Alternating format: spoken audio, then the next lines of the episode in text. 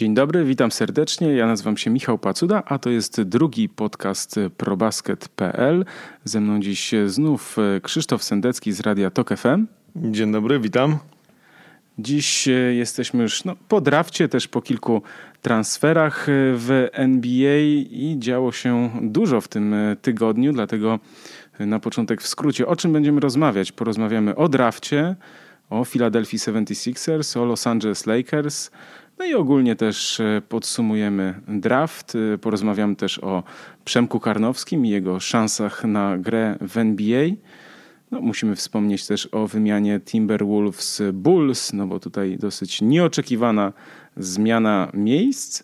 E, wspomnimy także o naszym ulubionym Dwightie Howardzie, który został odesłany z Atlanty do Charlotte.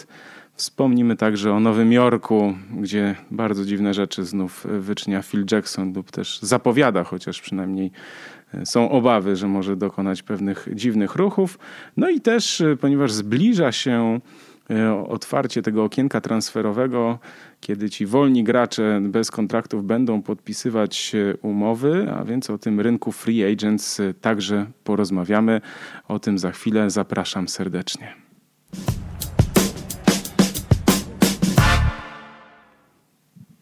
Zacznijmy więc od e, draftu.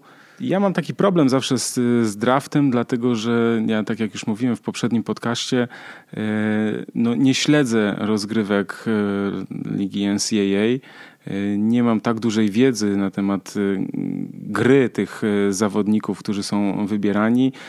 Gdzieś no, można poczytać o nich dużo, więc no ja tutaj byłbym powściągliwy w pewnych ocenach i, i, przewidywaniach, no ale zawsze warto o tym porozmawiać, o tym, co poszczególne kluby zrobiły.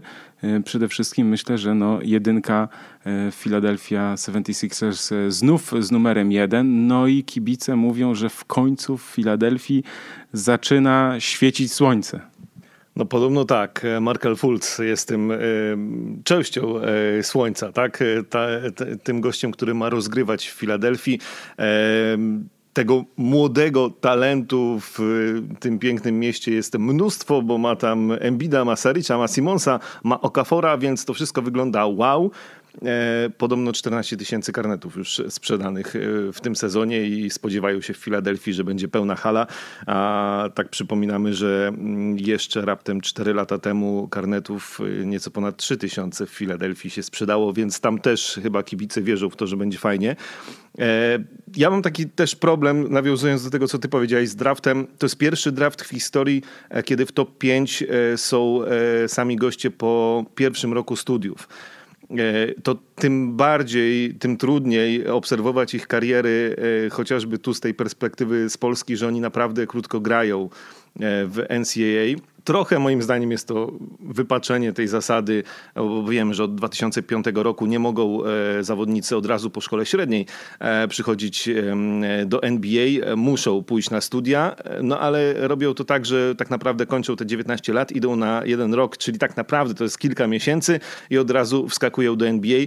E, I w przypadku Fulca ja wiem, że to jest super talent. Ja wiem, że to jest świetny rozgrywający, z fajnym kozłem, z szybkim pierwszym krokiem, z dobrym rzutem. Naprawdę zawodnik wszechstronny, idealny, e, który może być rzeczywiście gościem, który poprowadzi Filadelfię do zwycięstw, ale e,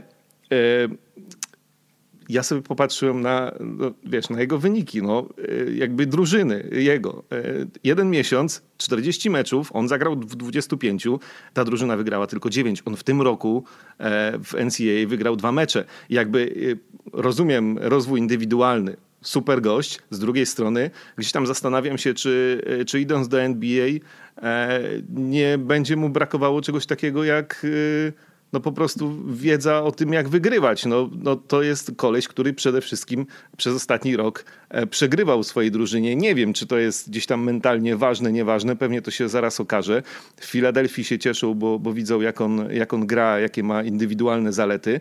E, I to nie jest żadne zaskoczenie, że jest z jedynką. Z drugiej strony troszkę mi się przestaje podobać ten amerykański, przeze mnie uwielbiany system, gdzie masz szkołę równocześnie z rozwojem e, kariery.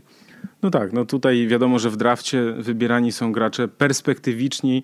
E, zresztą jak się prześledzi te, te mm, ostatnie lata, ale te, no, od, od dawien dawna jest tak, że, że gdzieś zawsze w tym top ten, tak jakby się wydawało, że to są goście, którzy, zawodnicy, którzy są wybierani i oni po prostu są, no, na pewno są gotowi do gry, natomiast no, wiele było wpadek, wiele było chybionych y, wyborów, y, wiele było też talentów, które po prostu no, nie potrafiły się y, rozwinąć, ale to też jest Pamiętajmy o tym, że, że pójście, przyjście do NBA, no przecież co roku kilkuset zawodników walczy o te, o te kilka wolnych miejsc w, w każdej drużynie. Konkurencja jest ogromna i takiemu młodemu zawodnikowi, nawet jak przychodzi i jest ogromnym talentem, no to też gdzieś ten splot y, zdarzeń, tego odpowiedniego czasu, odpowiedniej drużyny, bardzo wiele czynników wpływa na to, że że ten talent może się rozwinąć, e, bądź, no, bądź się może nie rozwinąć. No ja przypomnę, pamiętam takiego, przecież jeszcze kilka lat temu Cleveland Cavaliers z, jedynką wybrali Antonego Beneta, który miał być gdzieś tam dominatorem podkoszowym. No i, i skończyło się, e, mówiąc wprost, tragicznie, bo, bo, bo człowieka już praktycznie nie ma, w, znaczy nie ma w NBA, a, a gdzieś potem gdzieś próbuje y, tą swoją karierę kontynuować. Więc no, z draftem jest o tyle problem, że, że my nie wiemy jak, choćby największy talent, nie wiemy jak on zafunkcjonuje.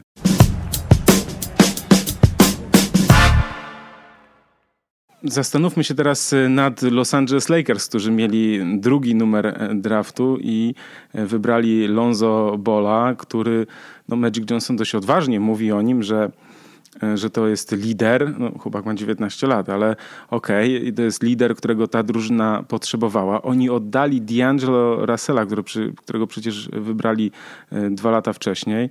Pytanie jest e, takie, czy ten chłopak jest gotowy do gry. Magic Johnson twierdzi, że, że to on, Lonzo Ball, będzie kolejnym Magiciem Johnsonem i po prostu poprowadzi tę drużynę do zwycięstw no, na tej samej konferencji, o której mówiłeś, e, cytując Magica Johnsona, e, on przejął, Magic Johnson, to pytanie o presję, powie, e, hej, no przecież o co wy go pytacie, to ja w pierwszym sezonie w NBA poprowadziłem Lakers do mistrzostwa, więc o, o jaką presję tutaj chodzi, nie? E, trochę się oczywiście przy tym śmiejąc. E, w dobrej sytuacji są i Fultz, e, i Ball, e, jeśli chodzi o te przewidywania, co z nimi dalej, o tyle, że trafiają do drużyn, w których mają no, na ten moment, rozumiem, jasno określone role. Oni trafiają tam Fultz jako podstawowy rozgrywający do pierwszej piątki. Ball ma być gościem, który w najbliższych sezonach ma poprowadzić Lakers do sukcesów. Tak, Lakers biorą sobie Alonso Bola w pakiecie z ojcem e, i o tym trzeba pamiętać, bo na tej ceremonii draftu, e, Jezu, ja nie mogę. E, Lavar Ball po prostu jest tak irytującym gościem. On nie, znaczy on chyba nie potrafi normalnie mówić, on cały czas krzyczy. Tak w stylu takiego stereotypowego amerykańskiego pastora, jak sobie wyobrażamy, to, to tak, no i ci, którzy gdzieś tam przez ostatnie miesiące się zaznajomili z tym, kim jest ten gentleman, no to już to doskonale wiedzą. I to jest trochę, znaczy strasznie, straszna jest różnica między tym ojcem, który jest takim krzykaczem, robiącym mnóstwo szumu. Gdzieś tam oczywiście za tym wszystkim jest próba sprzedania e, trzech swoich synów e, i zrobienia z tego niezłych pieniędzy. Z drugiej strony Lonzo Ball jest takim grzecznym, miłym chłopakiem, on jest świetnym koszykarzem. Znaczy na bank e, to jakby te stawiane na nim, e, ta presja, która na nim będzie ciążyła w Lakers, to jest, e, to ma podstawy. Znaczy on może to udźwignąć, bo on ma naprawdę niesamowite koszykarskie IQ. To jest taki moim zdaniem trochę wręcz trener na parkiecie. On widzi mnóstwo, potrafi też dużo i rzeczywiście kierować grą Lakers będzie mógł całkiem nieźle. Mówiłeś o tym, że Lakers oddali Russella. Też e, Magic mówił, że Russell był za bardzo skoncentrowany na sobie. E, także na parkiecie. Mm, e, Lonzo Ball niekoniecznie musi kończyć wszystkie akcje sam i rzucać. On fantastycznie podaje, on potrafi wykorzystać kolegów. No i myślę, że mm, będzie pasował do tej nowej drużyny, w której no, Jenny Bass wszystko wywróciła do góry nogami, przejęła kontrolę i po zatrudnieniu Magica ja tam widzę jakiś pomysł na budowanie wielkich Lakers. Okej, okay, nie lubię Lavara Bola, e, nie wydaje mi się sympatycznym gościem, ale, ale myślę, że Lonzo Ball e, może, może rzeczywiście odmienić Lakers, chociaż też znowu sobie przypominam, że jego ojciec przecież powiedział na ceremonii draftu, że już w następnym sezonie Lakers będą grali w playoffach. No zobaczymy. No tak, no czy tutaj e, przypomnijmy, że za D'Angelo Russella i Timothy Mozgowa przyszedł e, Brook Lopez, e, a więc no, dobry zawodnik. Tutaj pozbyto, pozbyto się też kontraktu Mozgowa ogromnego, więc jest Brandon Ingram, drugi numer draftu przed rokiem, który no, ma potencjał, natomiast no, to jest jeszcze tak zwany szczupak, czyli zawodnik no, bardzo szczupły i widać, że z ogromnym potencjałem, no ale jeszcze nie gotowy. Ten sezon to pokazał, że jeszcze nie jest gotowy, jeszcze potrzebuje więcej czasu na, na dostosowanie się do, do gry w NBA. No i oczywiście Lakers e, no, otwierają też trochę furtkę, bo gdzieś będą kusić za rok wolnych agentów. E, mówi się, że nawet LeBron James mógłby przejść do Lakers. Ja trochę w to nie wierzę. Trudno mi jest uwierzyć w aż takie plotki. No mi też. Znaczy ja na, ten moment bardziej wierzę w to, że Paul George, który już zapowiedział Indianie, że, że po tym sezonie odejdzie i on zawsze marzył i chciał grać w Lakers. E, myślę, że też dla Lakers będzie łatwiejsze ściągnięcie Paula George'a. E, łatwiejsze, pewniejsze i może dać tej drużynie e, Myślę, że tak dużo jak, jak próby gdzieś, znaczy jakby się udało Lebrona, ok, ale też, też w to nie bardzo wierzę.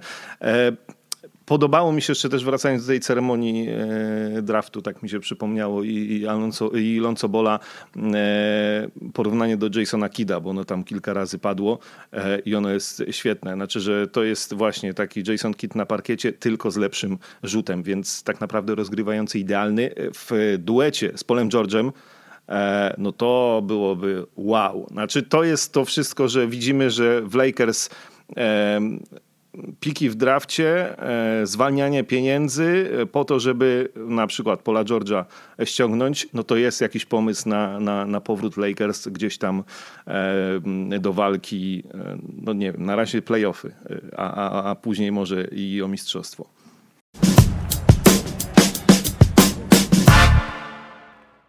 Jeśli chodzi o draft, no to myślę, że też warto zwrócić uwagę na to, co zrobili Sacramento Kings, którzy no gdzieś e, mają pecha, mówiąc kolokwialnie, ale tak naprawdę no to gdzieś źle zarządzana drużyna od e, wielu lat, trochę nietrafionych wyborów. No oni w tym roku e, piąty, piętnasty, dwudziesty i trzydziesty czwarty i podobno ci zawodnicy naprawdę są nieźli z dużym potencjałem, więc to jeśli można mówić, że ktoś dobry, dobry ruch wykonał w drafcie, to na pewno Sacramento Kings, którzy mają czas na odbudowę, tak? bo nie ma Demarcusa Kazynsa już w ich szeregach, a więc mają czas na, e, na to, żeby, żeby sprawdzić tych zawodników. No i im więcej jest tych młodych graczy, to tym większa szansa, że któryś z nich zafunkcjonuje na tym najwyższym e, poziomie, no bo tak jak już e, wspominałem, to jest zawsze duży problem, bo ten, ten talent to jest jedno, natomiast potem trzeba się odnaleźć w, w NBA. Ja myślę, że w ogóle z tej pierwszej piątki draftu to wszyscy, wszystkie kluby są zadowolone jak na razie, bo e, i e, Jason Tatum i Josh, Josh Jackson, ten pierwszy do Bostonu, ten drugi do Suns, to są tacy zawodnicy, którzy tam się, no przynajmniej tak nam się wydaje w tej chwili, mogą się dosyć łatwo e, wpasować. Sacramento musimy wspomnieć, bo ty wymieniałeś DeAndre Fo De'Aaron Fox, przepraszam, z numerem piątym wybrany. To jest gość, który mówi to mi się podobają tacy zawodnicy, bo to już robi niezłe wrażenie. Zobaczymy, jak na parkiecie będzie. E, on mówi, ja jestem najlepszy w tym drafcie, e, więc to jest spoko. Ma, mm, on jest strasznie nierówny, tak? Bo, bo grał fajne mecze i grał beznadziejne mecze w NCAA. Z tych fajnych, no to e, pojedynek z Loncobolem i go zjadł E, i, i, i przeżył i pokonał absolutnie, więc e, i zwycięstwo e, w Sweet 16, więc, więc to jest tak. Sacramento rzeczywiście jako, jako ta drużyna, która na drafcie sporo wygrała. Czekaj, ja bym jeszcze dodał parę rzeczy, muszę jeszcze wspomnieć o o przynajmniej jednym gościu, bo pewnie przy Charlotte Hornets jeszcze będziemy tą drużynę dzisiaj wspominać z kilku względów, ale Malik Monk i to, że on poszedł dopiero z jedenastką, a myślę, że mógł iść dużo wyżej, to jest sukces Charlotte. I to jest super rzucający, który obok Kemby Walkera może się naprawdę dosyć szybko e, zmieścić. Na pewno e, też warto wspomnieć o tym, że e, Dallas z dziewiątką wybierali i są absolutnie fantastycznie e, zachwyceni tym, że wybrali Denisa Smitha Juniora, bo to jest, to jest gracz, który mm, też może być szybko rozgrywającym w Dallas, a, a na tej pozycji im tam trochę brakuje i to też jest na pewno dobry wybór. Było kilka dobrych. No, ciekaw, ciekaw jestem na przykład New York Knicks, pewnie o nich też będziemy gadać, czy, czy ten Francuz młody Nilikina, e, jeżdżący, z, kursujący ostatnio z finałów e, w lidze francuskiej, tutaj na Media Day, później na draft i prosto z draftu znowu lecący na decydujący mecz, e, czy on coś tam wielkiego w NBA osiągnie. Zobaczymy. No, no draft jest też fajny dlatego, że, że później niektórzy, o których dzisiaj nie mówimy, a tam wybierani byli z którymś tam numerem za kilka lat, okażą się większymi gwiazdami niż ci, którzy są na samym początku, jak Antony Bennett, y, którego wspominałeś, to ja dodam, bo miałem okazję nawet y, jego mecze w tym sezonie komentować, trafił na chwilę do Fenerbahce. No i niestety Fenerbahce Stambuł, najlepszej europejskiej drużynie, e, delikatnie mówiąc się nie przebił, bo po kilku miesiącach został zwolniony, więc y, absolutnie upadek totalny e, Kanadyjczyka. No i, no i takie, są, takie są drafty.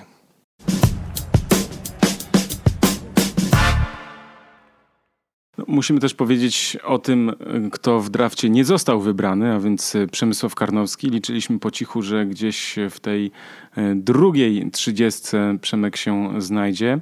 Tak się niestety nie stało. E, na probasket.pl mogliście śledzić e, no, dość szybko zmieniające się scenariusze, ale to też fajnie, że nasze źródła dobrze tutaj nam podpowiedziały, jeśli chodzi o Charlotte Hornets. Y, Przemek miał taką, mm, była szansa, że właśnie Charlotte albo Houston y, będą chcieli y, go w lidze letniej. No i tak jak przewidywaliśmy, trafił do, trafi do Charlotte na ten czas czas ligi letniej na początku lipca.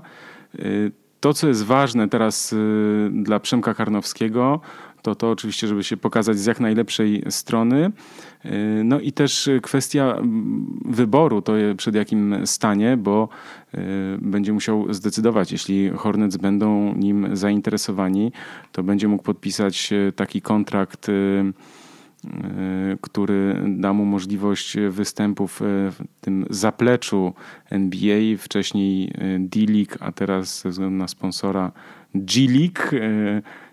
No i jeśli Karnowski zostanie, znaczy podpisze z Hornets, to będzie mógł występować na tym zapleczu NBA, no ale będzie też mógł być przez pewien czas w tej drużynie w, w Charlotte Hornets. No i tam Y, będzie poważna, to jest poważne pytanie dla, dla Przemka, jeśli będzie miał taką, taką możliwość właśnie, czy starać się y, być blisko NBA, starać się przebić, żeby na przykład za rok podpisać kontrakt, pokazać się z dobrej strony, czy też y, zdecydować się na grę w Europie, bo to też co jest kwestia pieniędzy. Pamiętajmy, że Przemek no nie ma już 19 lat, bo to jest zawodnik z 93 przecież rocznika.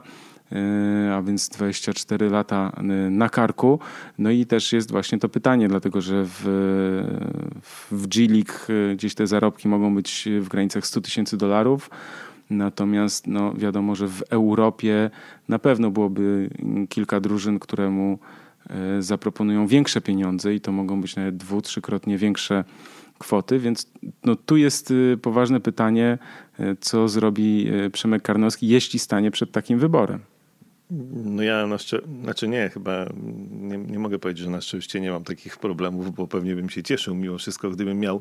E, nie wiem, e, to zawsze jest e, ciężkie pytanie ja nie znam na nie odpowiedzi. Być może Przemek, jeśli będzie miał jakieś konkretne oferty z Europy, to, to będzie łatwiej na to odpowiadać.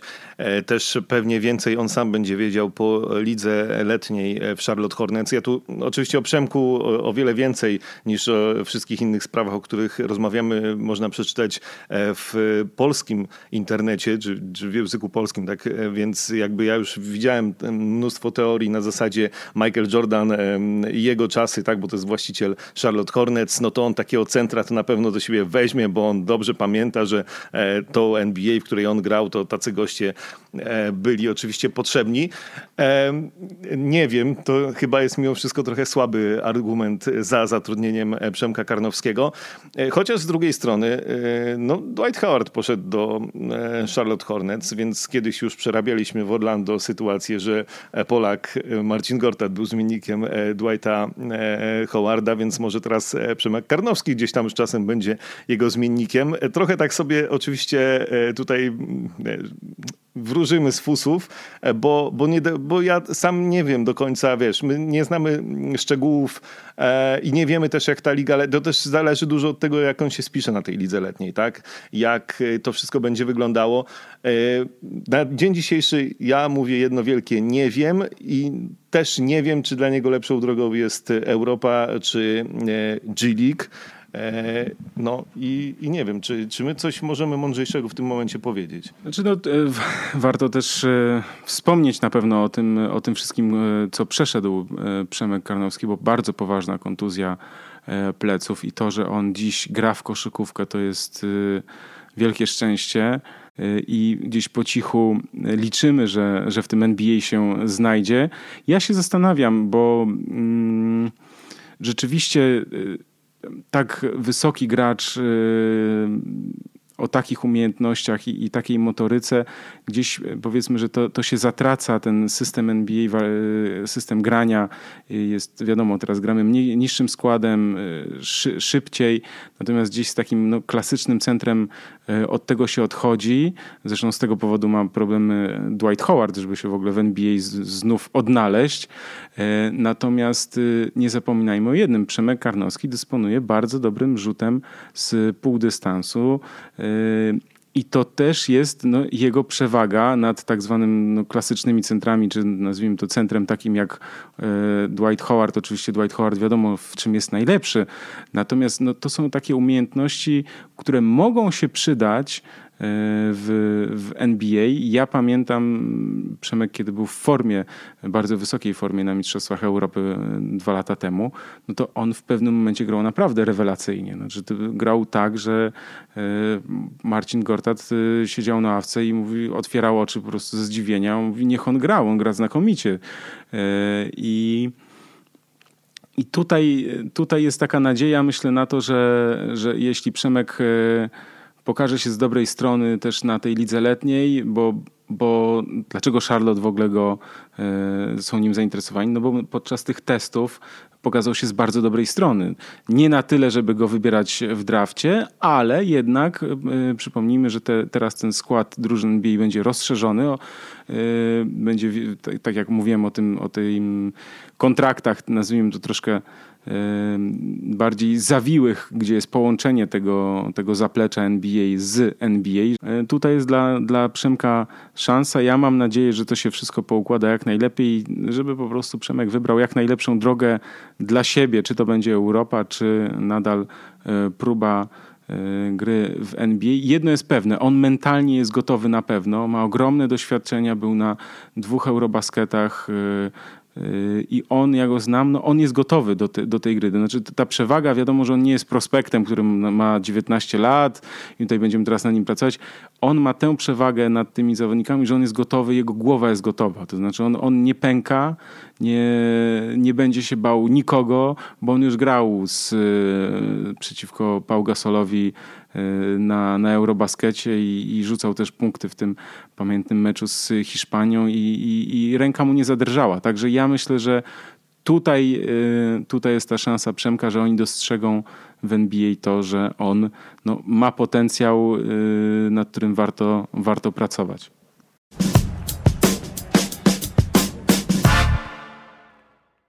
To skoro o Charlotte Hornets i Przemku Karnowskim, to może o Charlotte Hornets i Dwightie Howardzie, bo tutaj dosyć nieoczekiwana e, zmiana miejsc nastąpiła e, po roku zaledwie gry w, no, w domu, czyli w Atlancie. Dwight Howard został odesłany do, do Charlotte zaskakujący ruch o tyle, że tak szybko, że chyba niepotrzebnie po prostu rok temu go zatrudniali, bo nie wiem na co liczyli, mówiąc szczerze, w Atlancie.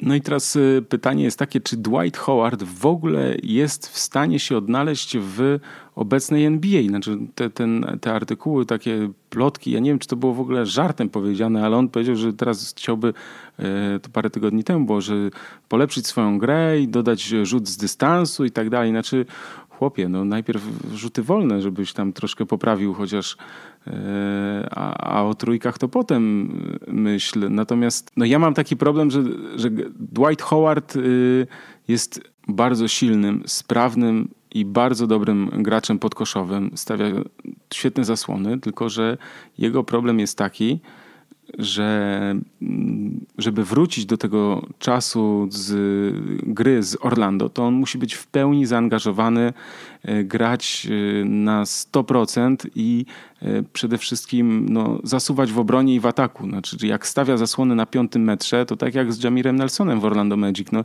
trzeba ścinać pod kosz i obserwować to, co się dzieje. A ja miałem wrażenie, oglądając grę Hawks w tym sezonie, że on tak postawił zasłonę, gdzieś tam się przesunął, mógłby ściąć, ale mu się nie chciało, mógłby gdzieś tam przebiec, ale, ale po co? I, i taki był trochę no, niezaangażowany, tro, troszkę tej nonszalancji takiej było. Dwight Howard musi przede wszystkim się zastanowić nad tym, czy y, chce znów być y, jednym z dominatorów w NBA, no a jeśli chce, no to musi ciężko na to pracować, bo to samo nie przyjdzie w obecnej NBA.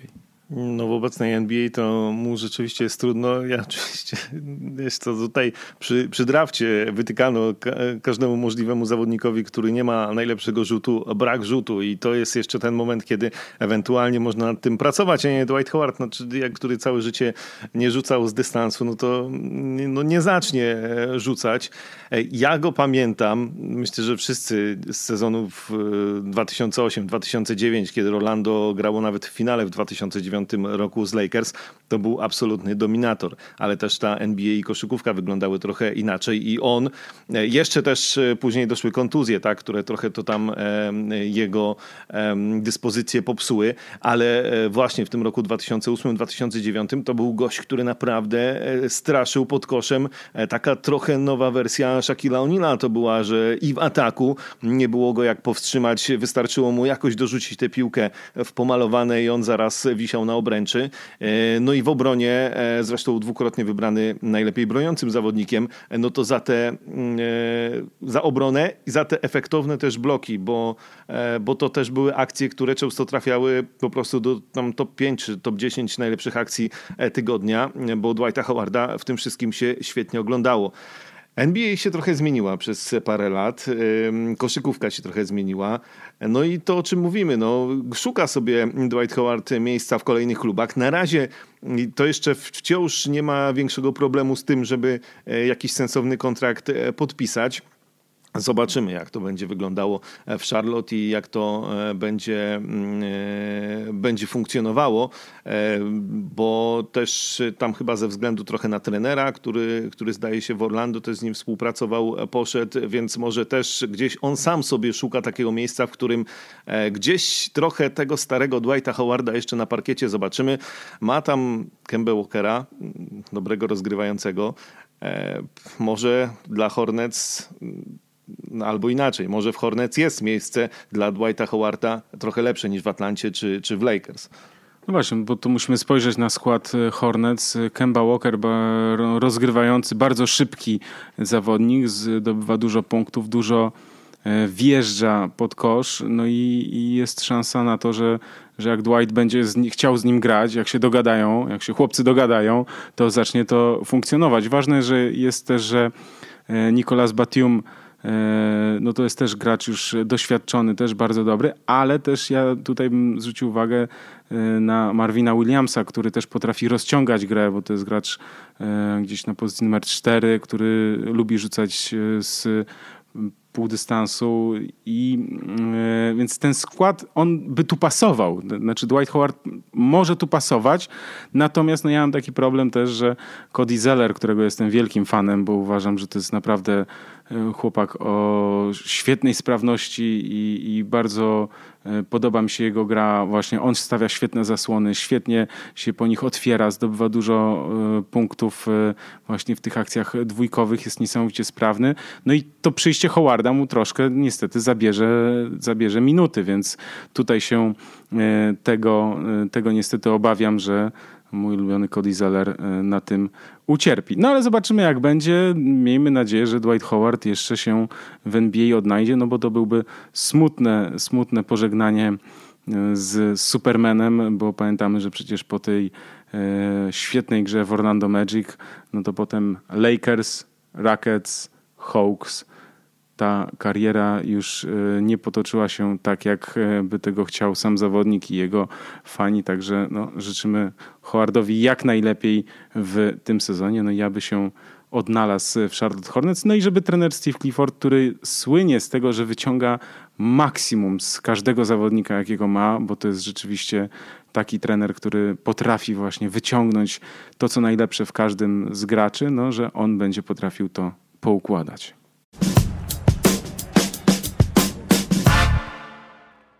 Pozostańmy jeszcze przy transferach, a więc przy tym, co działo się w ostatnich dniach. E, no też spory transfer, myślę, że e, nieoczekiwany, dość zaskakujący, e, że tak szybko Chicago Bulls pozbyli się swojego lidera, że nie czekali na inne oferty, że wybrali taki, taki deal z Minnesota Timberwolves.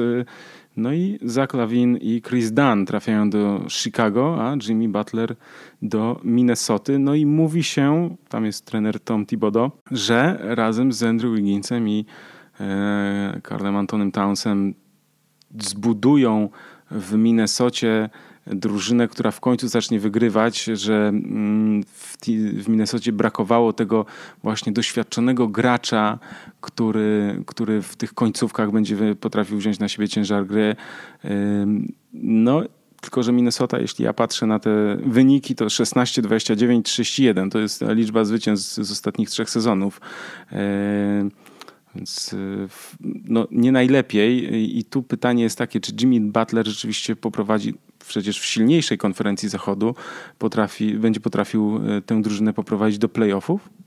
E, po pierwsze, jak wymieniłeś e, te liczby zwycięstw, no to jest progres, trochę może mizerny, ale jednak.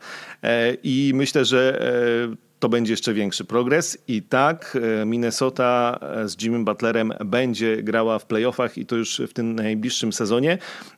Minnesota mimo że trenerem jest e, Tom Thibodeau, nie broniła dobrze e, i e, to jest aż trochę dziwne, ale myślę, że właśnie przyjście Jimmy'ego Butlera trochę to naprawi.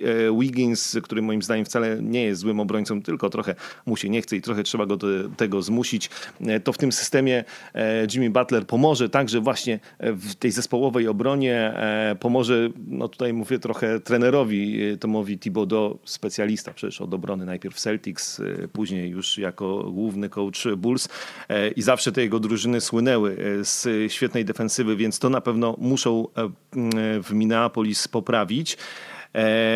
Jimmy Butler, moim zdaniem, top 15 na bank w tej chwili zawodników, najlepszych zawodników NBA.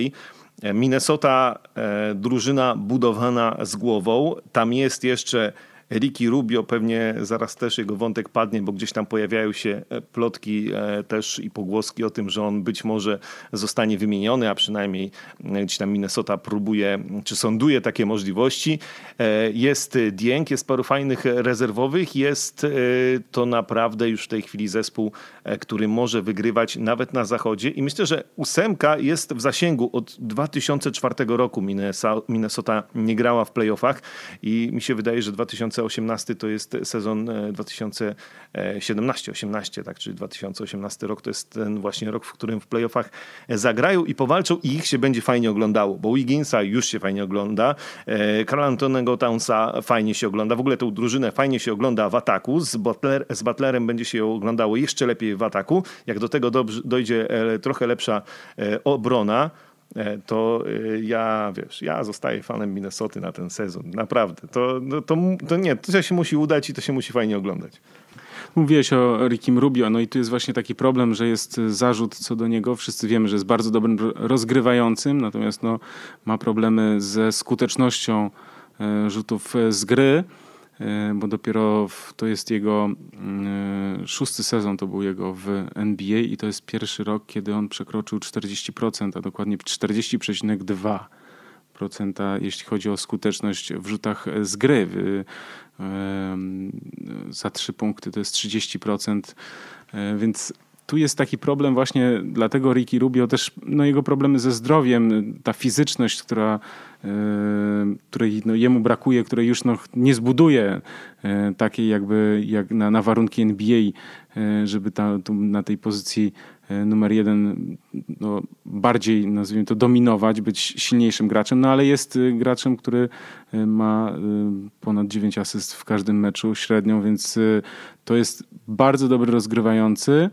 Tylko teraz pytanie jest takie, czy on będzie pasował do tej drużyny. Dlatego mi się wydaje, że w Minnesocie nasłuchują, bo wiemy, że też no już były wcześniej takie zakusy, żeby Rubio gdzieś wytransferować. To się wcześniej Y, nie udawało. Y, ja jestem ciekaw, czy zostaną przy, przy Rickim Rubio, czy, czy gdzieś pozyskają innego zawodnika. No i ciekawe też, czy kogoś na pozycję numer 4 Minnesota y, pozyska, może jakiegoś gracza, który będzie gdzieś grał dalej od kosza i potrafił zdobywać punkty rzutami z dystansu, no to byłoby idealne. Natomiast no, zobaczymy, jakie są w, w Minnesocie, co czeka Minnesotę w tym nadchodzącym sezonie. Ja natomiast chciałem coś powiedzieć o Chicago Bulls, ponieważ no, obaj się wychowaliśmy na erze Michaela Jordana i gdzieś tam to Chicago w sercu zawsze taki sentyment yy, jest. Natomiast no, niepisana zasada w NBA mówi jedno, znaczy no, nie wymieniaj All-Stara na, na nawet dwóch dobrych graczy. I, i no, pozyskanie Zach Lavin ma, no ma ogromny potencjał, ale, ale bardzo poważną kontuzję. A Chris Dunn, no jeszcze nie wiadomo, czy on jest gotowy na grę na wysokim poziomie w NBA, czy nie.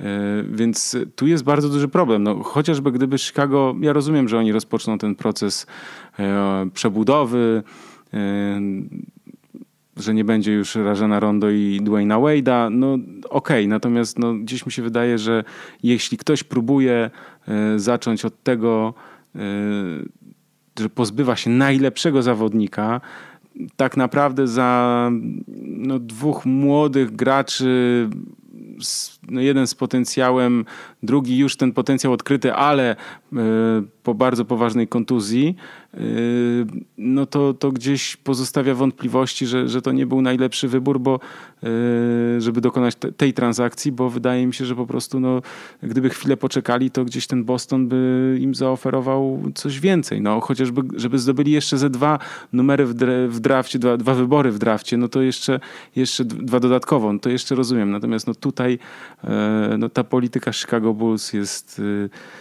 mówiąc delikatnie, niezrozumiała. E, no, delikatnie. Znaczy, właściwie nie powinniśmy być zaskoczeni, e, bo Garforman i John Paxton to już nas przyzwyczaili w ostatnich miesiącach do dziwnych decyzji. Ta jest absolutnie najdziwniejsza z nich. E, znaczy, ja rozumiem przebudowywać drużynę, no tylko no nie oddając gościa, który jest w swoim prime i jest all-starem. No to, to co mówisz, no dobra, mogli, nie wiem, zrezygnować z Rażona Rondo, mogli zrezygnować już nawet z Dwayna Wade'a, którzy gdzieś tam za chwilę e, te swoje kariery jednak będą kończyć, a Jimmy Butler ma jeszcze mnóstwo grania e, przed sobą. No i no przebudowujemy drużynę, no ale na co? No jakby ja tu nie widzę żadnych pomysłów też mm, patrząc y, jakby, bo wymieniliśmy już kilka nazwisk w tej wymianie, a są jeszcze, e, są jeszcze wybory w drafcie i e, też szesnastkę w drafcie Bulls dostali, czyli Justinia Patona, czyli podobno niezłego centra. Y, Minnesota dostała szesnastkę w drafcie od Bulls, a Bulls wzięli sobie wybór Minnesoty z numerem siódmym Finn, Lauri, Markanen e, który jest taką trochę gorszą kopią Miroticza, powiedzmy, mniej więcej.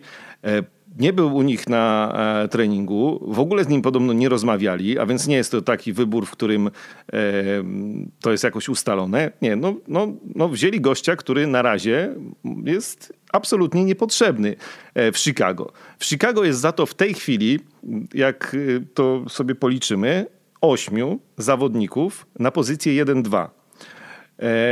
I jakby jak, jak do tego dodamy te wszystkie, e, wiesz, z ostatnich miesięcy transfery od odejścia Derricka co jeszcze było tam jakoś zrozumiałe, bo powiedzmy, że ten pomysł e, nie wypalił.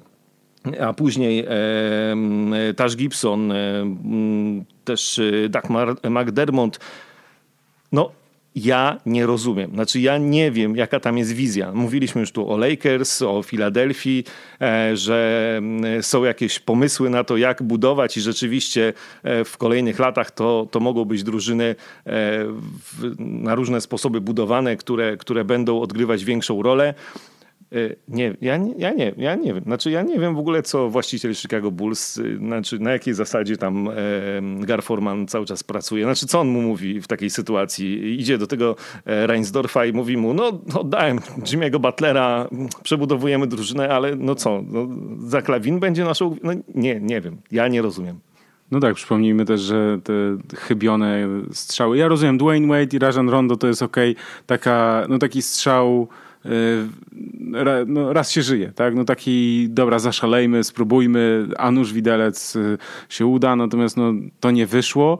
Natomiast przypomnijmy, tam jest jeszcze Michael Carter Williams, y, który też, no okej, okay, Rookie of the Year, ale no już oddany po raz 35 w ciągu trzech sezonów, więc no jakby to no jest niezrozumiałe, niestety. No, Chicago Bulls y, nie potrafią się y, gdzieś odnaleźć. Y, ci, którzy za, zarządzają tymi transferami. No i to jest właśnie ten problem, że oni mają, tak jak wyliczymy, tak, no, tak jak mówiłeś, tych e, kilku graczy na, na, na tych samych pozycjach. No i, i teraz kto ma, kto ma być pierwszą jedynką na przykład? No, czy Michael Carter-Williams, Chris Dunn, Zach Lavin?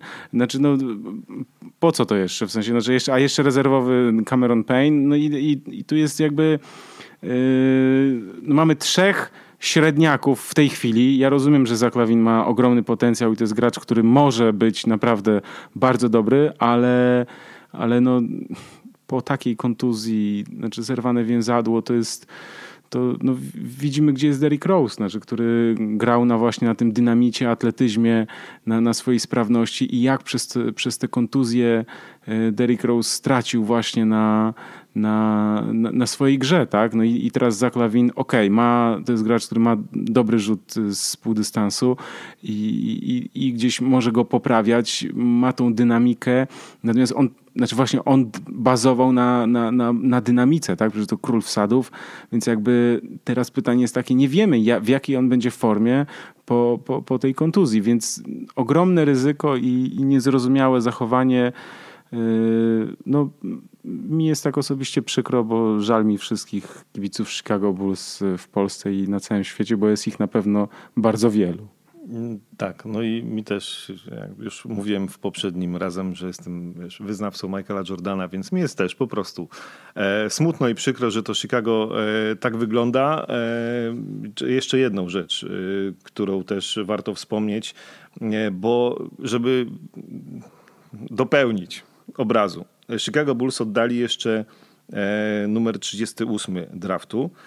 Jordan Bell mm, z Oregonu, czwórka. To tak a propos tego, że mają, wiesz, e, nie mają gości na pozycję 4, no to mieli czwórkę w drafcie wybraną. Też no pewnie gość, który nie będzie już teraz gwiazdą, ale może za chwilę, bo naprawdę jest obiecującym graczem. E, poszedł do Golden State Warriors po prostu za pieniądze, za 3,5 miliona e, dolarów. E, no i, no i też nie wiem, no, no, znaczy no jak się nie ma czwórek i się wybiera czwórkę w drafcie, no to pierwsze co przychodzi, mm, rozumiem, Formanowi do głowy, to jest no to ją sprzedajmy. No, no to, to jest taka polityka, ja jej nie rozumiem. Tak, jest mi też przykro. Chicago Bulls w tym sezonie w playoffach nie zagrają.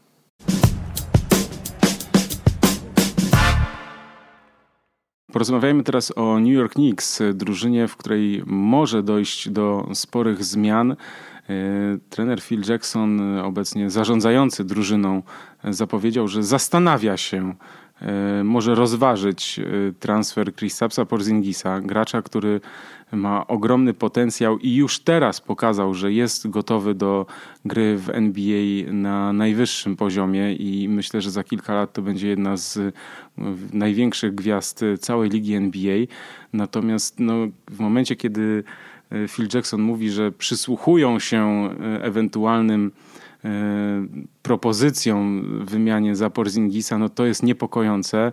I, I Phil Jackson oczywiście on powiedział, że przysłuchują się i nie do końca mogło to znaczyć, że on jest gotowy i że chce. Natomiast no, gdzieś poszło, poszło to w świat, troszkę dorobiona została teoria, no bo Phil Jackson ostatnio no, nie ma dobrej prasy i, i te jego wypowiedzi, ten ton mentorski, jest troszkę no, źle już postrzeganym. Ja mam wrażenie, że Phil Jackson po prostu stracił taką ostrość e, patrzenia na rzeczywistość i, i gdzieś e, te ostatnie jego decyzje chybione, też to wtrącanie się w styl gry drużyny, narzucanie trójkątów, y, no bo żeby grać trójkąty, to trzeba mieć odpowiednich graczy do tego, a nie, a nie dostosowywać graczy do, do swojej taktyki na siłę, bo wiemy, że Derrick Rose zupełnie nie pasuje do, do gry w trójkątach. No i tutaj jest y, ciekawe, jak myślisz, co się wydarzy z, z Nowojorczykami? No to jest dobre pytanie, e, chociaż e, na jedną rzecz chciałem zwrócić uwagę. Ja też jestem e, trochę, mam nadzieję, mądrzejszy po rozmowie z trenerem Wojtkiem Rogowskim. Przy okazji pozdrawiamy, jeden z najlepszych trenerów, jeśli chodzi o szkolenie młodzieży w Polsce. Na co dzień pracuje w Pruszkowie. On kilka miesięcy temu był w Nowym Jorku na stażu w Knicks. E, rozmawiał z Philem Jacksonem, e, co mm, e, nie jest zbyt jakby powszednie, bo tam z nim rzeczywiście trudno nawet ludziom z klubu, z Knicks rozmawiać, bo jest jednak rzeczywiście Phil Jackson gdzieś tam unosi się trochę nad ziemią, on i jego ego. On mi mówił, wtedy akurat to była taka sytuacja, kiedy on tam był, że w mediach pojawiały się właśnie te spekulacje e, o tym, że mm, Carmelo Antony miałby odejść z klubu, że Phil Jackson go do tego namawia, e, żeby się jakoś tam rozstali, mm, e, że Knicks go chcą oddać i tak dalej, i tak dalej. To wtedy właśnie Wojtek Rogowski mówił, że on jak tam był, to właśnie od środka wyglądało to zupełnie inaczej. Na zasadzie, że tam e, Carmelo Antony jest absolutnie duszą towarzystwa, widać, że jest najważniejszym zawodnikiem, widać, że ma zaufanie klubu, a gdzieś to wszystko, co się dzieje na zewnątrz, to jest ten jeden wielki świat medialny, nie do końca e, czasami zgadzający, zgadzający się z tym, e, co jest tak naprawdę w klubie. Oczywiście w każdej w takiej mm, informacji w mediach jest pewnie ziarnko prawdy albo i więcej, szczególnie jeśli tutaj rzeczywiście Phil Jackson mówił o tym, że e, nasłuchuje e, tych, chociaż kocha tego chłopaka, tak, Kristapsa Porzingisa, to nasłuchuje jakiś tam ofert, ale trzeba o tym pamiętać, że no, że on no, też Phil Jackson mówi, robimy to, co najlepsze dla klubu. Pytanie właśnie, czy czy on rzeczywiście robi to, co najlepsze dla klubu. Znaczy też w Nowym Jorku jest tak, że jak Phil Jackson coś powie, to wciąż e, nawet jak wszyscy wiedzą, że to jest bez sensu, no to za chwilę ktoś powie, ej stary, no on ma 11 pierścieni, czy tam 13, jak tam liczyć z tymi z czasów jego gry w New York Knicks, tak? E, no więc on wie lepiej, to ta magia pierścieni. Z drugiej strony rzeczywiście, no, no ma już 72 lata, jeszcze go nie wysyłamy na emeryturę, ale rzeczywiście te doniesienia, które, e, które gdzieś tam dochodzą o tym, o tym, że bardzo chce, żeby ta drużyna grała trójkątami. E, te kolejne informacje, kogo mm, chciałby sprowadzić, a kogo oddać no to jest to trochę niepokojące, szczególnie, że Knicks no to jest taka drużyna, którą fajnie by było oglądać co roku w playoffach, a, a, a nie oglądamy jej od dawna. No i też przez to Carmelo Antony no, no to jest pewnie obok Chrisa Pola jeden, jedna z największych gwiazd NBA, która nigdy w życiu niczego w NBA nie wygrała. Przecież on ostatni raz w finałach konferencji grał e, jeszcze w barwach e, Denver Nuggets. A, a w Nowym Jorku e, to zazwyczaj jak playoffy się zaczynają, to on ma wakacje. Chyba nie o to chodzi z graczem który jest rekordzistą, jeśli chodzi o zdobywanie punktów w reprezentacji Stanów Zjednoczonych, z graczem, który miał, który jest no, wciąż jedną z największych gwiazd NBA i ja nie wiem, co jest lepsze dla Kristapsa Porzingisa, bo, bo jeśli on ma skończyć jak Carmelo Antony, no to, to chyba tego byśmy nie chcieli. No, on ma też e, silny charakter, pokazał Porzingis też e, w kilku sytuacjach, kilku wypowiedziach też e, i na boisku, że no, on nie da sobie w kaszę dmuchać i on chce wygrywać, chce, żeby ta drużyna była jak najlepsza. No i to jest, to jest problem dla Nowego Jorku. Wiadomo, że ta nagonka medialna, jeśli można tak powiedzieć, no jest związana z tym, że to jest Nowy Jork. Tak? To jest stolica NBA, znaczy stolica Stanów Zjednoczonych gdzieś na wschodzie tego show biznesu, bo wiadomo, że po drugiej stronie jest, są Los Angeles, natomiast y, no jest y, ten Nowy Jork, jest takie ogromne oczekiwanie, przecież tam jest centrala NBA, tak? Tam, tam chciałoby się, żeby to, żeby to miasto było jak najlepsze, jeśli chodzi o, o grę tej drużyny Knicks, natomiast no, to wszystko się tutaj właśnie no, nie układa. Też te, myślę, że chybione E, transfery, jeśli chodzi o Derricka Rose'a, Joakim Noah też zupełnie się nie sprawdził, nie odnalazł w tej drużynie. No i to jest duży problem, bo żeby utrzymać, zatrzymać Porzingisa zadowolonego, no to trzeba dokonać kilku zmian. No i ja się obawiam tego, że Phil Jackson jednak e, to jego ego i doświadczenie i wiek nie pozwalają mu trochę spojrzeć z innej perspektywy, znaczy spojrzeć na potrzeby gracza, tylko on uważa, że po prostu masz się dostosować, yy, co ty będziesz mi tutaj mówił, synku, i, i, i masz się dostosować. A, a, a to chyba nie tak powinno wyglądać, bo yy, też yy, Phil Jackson w wywiadzie zapytany nawet o to, że kibice, kibice się troszkę obawiają, co, co byś im powiedział, no on powiedział, że no nie bójcie się, nie martwcie się, wiemy co robimy. No i po tym tekście wiemy, co robimy. No, było sporo komentarzy wręcz ironicznych, prześmiewczych, bo, bo na razie, na razie nie, no nie pokazałeś, że wiecie, co robicie, więc jakby to jest problem, bo ja też darzę i tę drużynę i, i szczególnie Porzingisa ogromną sympatią, bo to jest naprawdę e, unikat jednorożec, tak, tak na niego mówią i, i gracz wyjątkowy, który no, ma możliwości tego, żeby, żeby być następcą Dirka Nowickiego e, o jeszcze lepszych e, warunkach fizycznych, także nie tylko wzrostu, ale też motoryki, także no, miejmy nadzieję, że w Nowym Jorku gdzieś tutaj pójdą po rozum do głowy i, i to będzie troszkę dla nich wyglądało lepiej, bo rzeczywiście ich brak w tej elicie NBA, no to jest wielka szkoda dla, myślę, że dla całej ligi. E, przy czym też musimy pamiętać o tym, że e, wciąż Krzysztof Porzingis e, broni niejako decyzji Phila Jacksona, bo gdy go Phil Jackson wybierał w drafcie, no to wszyscy tam kibice Knicks buczeli i, i krzyczeli, co ty robisz, a za moment okazało się, że akurat w tym przypadku wyszło na Jacksona stronę tutaj, ale też no, dochodzą kolejne, bo też przed, przed draftem tutaj się pojawiają informacje, że właśnie ten Lauri Markanen, wspominany przez nas w tej chwili już zawodnik Chicago Bulls oddany przez Minnesotę to był, e, miał być tym, w którym e, następnym zawodnikiem, w którym się Phil Jackson zakochał, czyli gdzieś tutaj jest ten kierunek, szukamy, szukamy super czwórki z rzutem z dystansu. Na razie to się zupełnie nie sprawdziło. Co zrobi Phil Jackson? Nie wiem, ale wiem też, że to jest takie też napędzająca się spirala, bo jeśli popatrzymy Właśnie o tym, co mówiliśmy w Lakers, a tam rządzi jego e, była, z tego co się orientuje, partnerka życiowa, czyli e, Jenny Bass. I jeśli ona zatrudniła Magica e, Johnsona, i jeśli klub podejmuje takie decyzje, w których widać jakąś ideę, strategię, to też podejrzewam, że rozmowy z Polem George'em powinny być proste, a nawet, nie wiem, z LeBronem Jamesem nie, mogą się okazać niezbyt skomplikowane a w, do Nowego Jorku mało kto będzie chciał przyjść. Znaczy, widząc to, co się tam dzieje w ostatnich miesiącach i widząc to, jak tym klubem zarządza Phil Jackson, czy realnie, czy z tych informacji, które pojawiają się w mediach, no to Nowy Jork to nie jest miejsce, do którego chciałoby się e, pójść tym największym gwiazdom, e, no bo właściwie po co? No bo, no bo co? No, kończyć jak Carmelo Antony? No, no nie.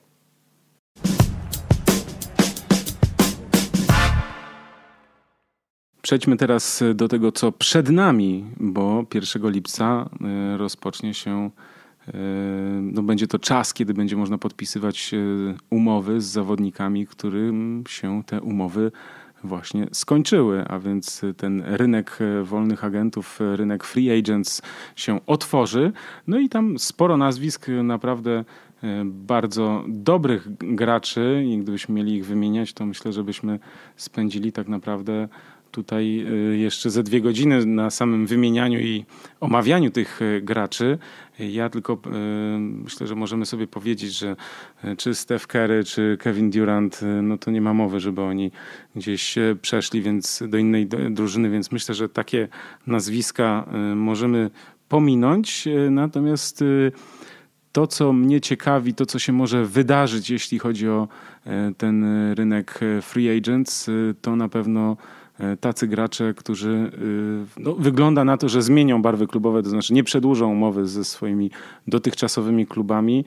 I ja y, myślę, że w y, Paul Millsap z Atlanty Hawks jest takim zawodnikiem, który będzie rozchwytywany na tym rynku wolnych graczy. Bardzo jestem ciekaw, co zrobi Greg Popowicz i San Antonio Spurs, bo już tutaj się mówi, że Lamarcus Aldridge miałby E, odejść z San Antonio, a więc e, tutaj byłaby szansa też dzięki temu, że Pau Gasol rezygnuje z e, bardzo dużych pieniędzy w kolejnym roku w zamian za mm, dłuższą umowę, ale opiewającą na mniejsze na, na mniejszą kwotę, więc San Antonio Spurs stoją przed szansą zarówno zakontraktowania gracza z tego rynku wolnych agentów, jak i też no, ewentualny transfer Aldridge'a. A więc bardzo tutaj się będzie ciekawie działo. Ja też myślę o tej drużynie Los Angeles Clippers, która być może w przyszłym roku będzie wyglądała zupełnie inaczej, bo zarówno Chris Paul, jak i Blake Griffin mogą odejść. No i tak z takiego, nazwijmy to body language, czyli tego obserwowania tych graczy, a także gdzieś nazwijmy to y, źródeł e, bliskich NBA. No, ja wiem, że ci panowie za sobą e, nie przepadają i raczej mm, przesądzone jest to, że przynajmniej jeden z nich odejdzie z Clippers, że oni nie chcą grać razem. Oczywiście no, to e, teraz przyjście Jerego Westa do, do Clippers może tutaj wszystko odmienić. Natomiast no, gdzieś ten te, te plotki o tym, że Chris Paul miałby dołączyć do, do San Antonio Spurs e, są bardzo ciekawe, więc myślę, że tutaj e, tacy gracze jak Paul Millsap, a także no właśnie Chris Paul, Blake Griffin będą gdzieś e, tutaj rozchwytywani na tym rynku wolnych agentów przez inne kluby niż w tych, których dotychczas grali. Myślę, że Kyle Lowry zostanie w Toronto, że tutaj nie ma sensu plotkować, bo szybko bardzo ucięto te spekulacje e, odnośnie, odnośnie jego ewentualnego odejścia z, z Toronto, więc e, no, to, co się będzie działo 1 lipca, to jest naprawdę e, myślę, że niesamowite. Co roku jest zresztą to towarzyszą temu ogromne zainteresowanie. Już teraz na probasket.pl znajdziecie takie zestawienie na, w, w, tych free agents 2017, a więc zawodników, którym kończą się umowy i, i też takie e, nasze małe przewidywania, co, co się e, może stać. Także zapraszam na probasket.pl. No i oczywiście 1 lipca również od samego rana, także no do tego czasu, a więc do 1 lipca też te mnóstwo spekulacji będziemy opisywać. No jest co śledzić, bo ja mam takie wrażenie, że okej, okay, NBA nie gra, ale to jest ten czas, który elektryzuje kibiców tak naprawdę równie, równie bardzo jak playoffy, a może nawet jeszcze bardziej czasami. No to prawda. Wymieniłeś paru zawodników, ja tak sobie patrzę na te listy i e, jeszcze parę nazwisk e, dodam, ale e, najpierw o Clippers muszę coś powiedzieć. Już mówiłem, że Chris Paul przez Amerykanów przez lata uważany za najlepszego rozgrywającego ligi i człowiek obok Carmelo Antonego, który nigdy niczego nie wygrał. Jak on chce coś wygrać, to naprawdę, ja wiem, na razie to plotki i, i wróżenie ze szklanej kuli, ale w San Antonio Spurs jakby się Chris Paul znalazł, to by było wow. A Blake Griffin na przykład jakby się w Lakers znalazł, o, to by było też coś, jakby sobie przeszedł z Clippers do Lakers, to, to są takie rzeczy, które ja sobie E, gdzieś tam e, mm, wymyśliłem i mi fajnie wyglądają. Chociaż na przykład Blake Griffin w Oklahomie z Russellem e, Westbrookiem, czemu nie? Jest dużo jakby możliwości i pewnie nie będziemy teraz jeszcze za bardzo zgadywać, ale jeszcze jakie nazwiska, o których warto pamiętać. Gordon Hayward. Tu jestem ciekaw, co on zrobi. Czy on ma opcję zawodnika, czyli jakby może zrezygnować z kontraktu z Utah Jazz, już w tym sezonie pokazał, że jest gotowy do tego, żeby grać na najwyższym poziomie. E, to jest świetny strzelec z bardzo dobrą obroną. E, I też e, czytałem takie gdzieś tam spekulacje, że mógłby trafić do Boston Celtics, a Boston Celtics wyglądają naprawdę e, coraz lepiej. Decyzje podejmują też po tym drafcie, wiemy, bardzo dobre, przemyślane. I Brad Stevens jest tam trenerem, który trenował Haywarda w NCAA, więc gdzieś tam jest też dodatkowy argument, że on tam mógłby pójść. Coś, co mnie jeszcze interesuje, co zrobi Vince Carter, e, bo już widziałem mnóstwo memów e, i grafik, że on idzie do Golden State Warriors i szczerze, to ja bym chciał, żeby Vince Carter na koniec kariery poszedł do Golden State Warriors e, i zdobył mistrzostwo NBA, bo akurat z graczy, których w tej chwili oglądamy na parkietach NBA, to myślę, że on jest na pierwszym miejscu wśród tych, którzy pierścienia jeszcze nie mają, a na ten pierścień absolutnie zasłużyli. No i co jeszcze? I Greg, Greg Monroe jeszcze mnie interesuje też Milwaukee, bo to też jest ciekawe. On też ma opcję zawodnika e, i to też jest zawodnik, który w tym sezonie pokazał się z bardzo dobrej strony. E, chociaż wydaje mi się, że no nie wiem, znaczy Milwaukee jest na tyle, do, znaczy trochę jak w przypadku Lauriego. No, nie wiem, czy dla niego odejście z Milwaukee nie byłoby gorszą decyzją niż zostanie w tym klubie, ale, ale to też na pewno jest interesujące. Parę jeszcze innych nazwisk, e, ale myślę, że te najciekawsze. A, jeszcze jest Zach Randolph na przykład z Memphis. O, to tak a propos. No tak, moglibyśmy wy, wymieniać. No tutaj jest trochę, e, gdzie jak jesteś dobrym GM-em, to coś tu możesz e, poukładać, a pamiętamy, że e, salary cap w tej chwili, to też w przyszłym sezonie 101 milionów dolarów, to jest dwa razy więcej niż 10 lat temu. Przez 10 lat salary cap urosło nam dwukrotnie z okolic 50 milionów do 101. Naprawdę w NBA jest co wydawać. Czasami te pieniądze są wydawane bez sensu, ale jak e, ktoś jest zdolnym GM-em i potrafi poskładać drużynę, to, e, to nawet tego e, lata nie musimy czekać roku do, do Pola George'a i LeBrona Jamesa, ale i tego lata coś tu można fajnego złożyć. No właśnie, bo też ciekawe to, czy Indiana już teraz będzie postara się wymienić e, Pola George'a, żeby tutaj jeszcze coś zyskać na tym. Takie nazwiska jeszcze mi tutaj mm, przychodzą do głowy, to na pewno George Hill z Utah Jazz, właśnie z Haywardem świetny duet e, stworzyli. Ja jestem fanem George'a Hilla, nie ukrywam tylko no, problem z, z, jego zdrowiem e, też czasem pozostawia mm, sporo do życzenia, bo gdzieś te kontuzje niestety przeszkadzają mu w rozwinięciu skrzydeł. No i też takim graczem, który myślę, że może sporo namieszać, to znaczy być bardzo dużym wsparciem dla, dla drużyny, z którą podpisze umowę, to Danilo Gallinari, bo to jest też gracz o ogromnym potencjale i, i, i świetnych umiejętnościach. Natomiast y, no jeszcze jest Otto Porter, którego pewnie Washington Wizards y, przedłużą. Natomiast y, zastanawiam się też nad klubami, które będą najbardziej aktywne. Tydzień temu rozmawialiśmy o Cleveland Cavaliers, którzy będą próbowali mm, coś zrobić. Ja powiedziałem wtedy, że no lepiej wszystko, byle nie taki, znaczy, że pewnie jakieś gwiazdy może spróbują ściągnąć, byle nie Carmelo Antonego, a teraz się mówi, że może Wade i Melo w Cleveland, ale to jest raczej taka no plotka, ploteczka, bo gdzieś LeBron będzie wywierał e, naciski na, na, na włodarzy e, Cavs. Jeszcze jedna rzecz, to co mnie interesuje, to co zrobią Miami Heat, bo e, Pat Riley no wiemy, przyzwyczaił nas do tego, jesteśmy pewni, że jeśli chodzi o mieszanie na, na rynku wolnych graczy, o transfery, o też pozyskiwanie zawodników, e, no to jest w tym e, znakomity. No i Miami też mają taką przewagę, że na Florydzie jest niższy podatek, e, ciepło. Wielu graczy ma tam swoje, no nazwijmy to, domy, w których mieszkają, czy też te domy letnie, czy też takie całoroczne, gdzie ich rodziny mieszkają, bo to jest gdzieś tam właśnie Floryda, to jest ten, to miejsce, gdzie, no, gdzie się cudownie mieszka i, i to też jest zawsze taki czynnik dodatkowy.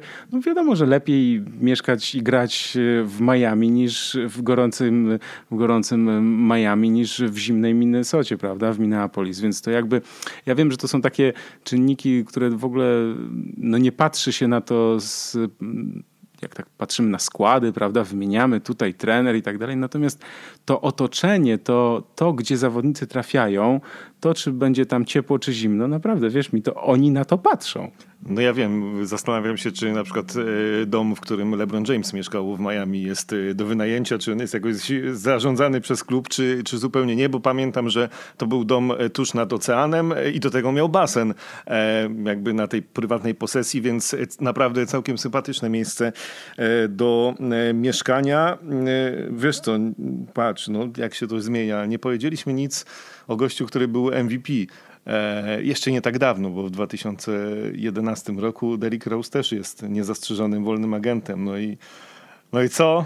I co zrobi Derrick Rose? To też jest y, pytanie, y, które teraz pewnie już będzie miało zdecydowanie mniejszy wpływ na, na NBA, na którykolwiek z klubów niż parę lat temu i to jest też dla mnie mm, trochę smutne, bo to nie ukrywam, też był zawodnik, na którym miałem nadzieję, że E, gdzieś tam odbuduje to Chicago Bulls i będzie drugim Michaelem Jordanem pod tym względem, że poprowadzi Chicago do mistrzostwa. Nic z tego nie wyszło, kontuzje to pokrzyżowały. E, czy Rose zostanie w Nowym Jorku? Nie wiem.